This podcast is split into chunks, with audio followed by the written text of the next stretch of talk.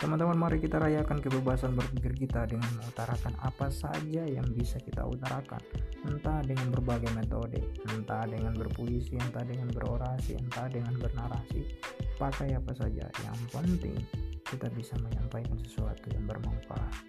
Selamat merayakan kemerdekaan berpikir dan selamat mendengarkan.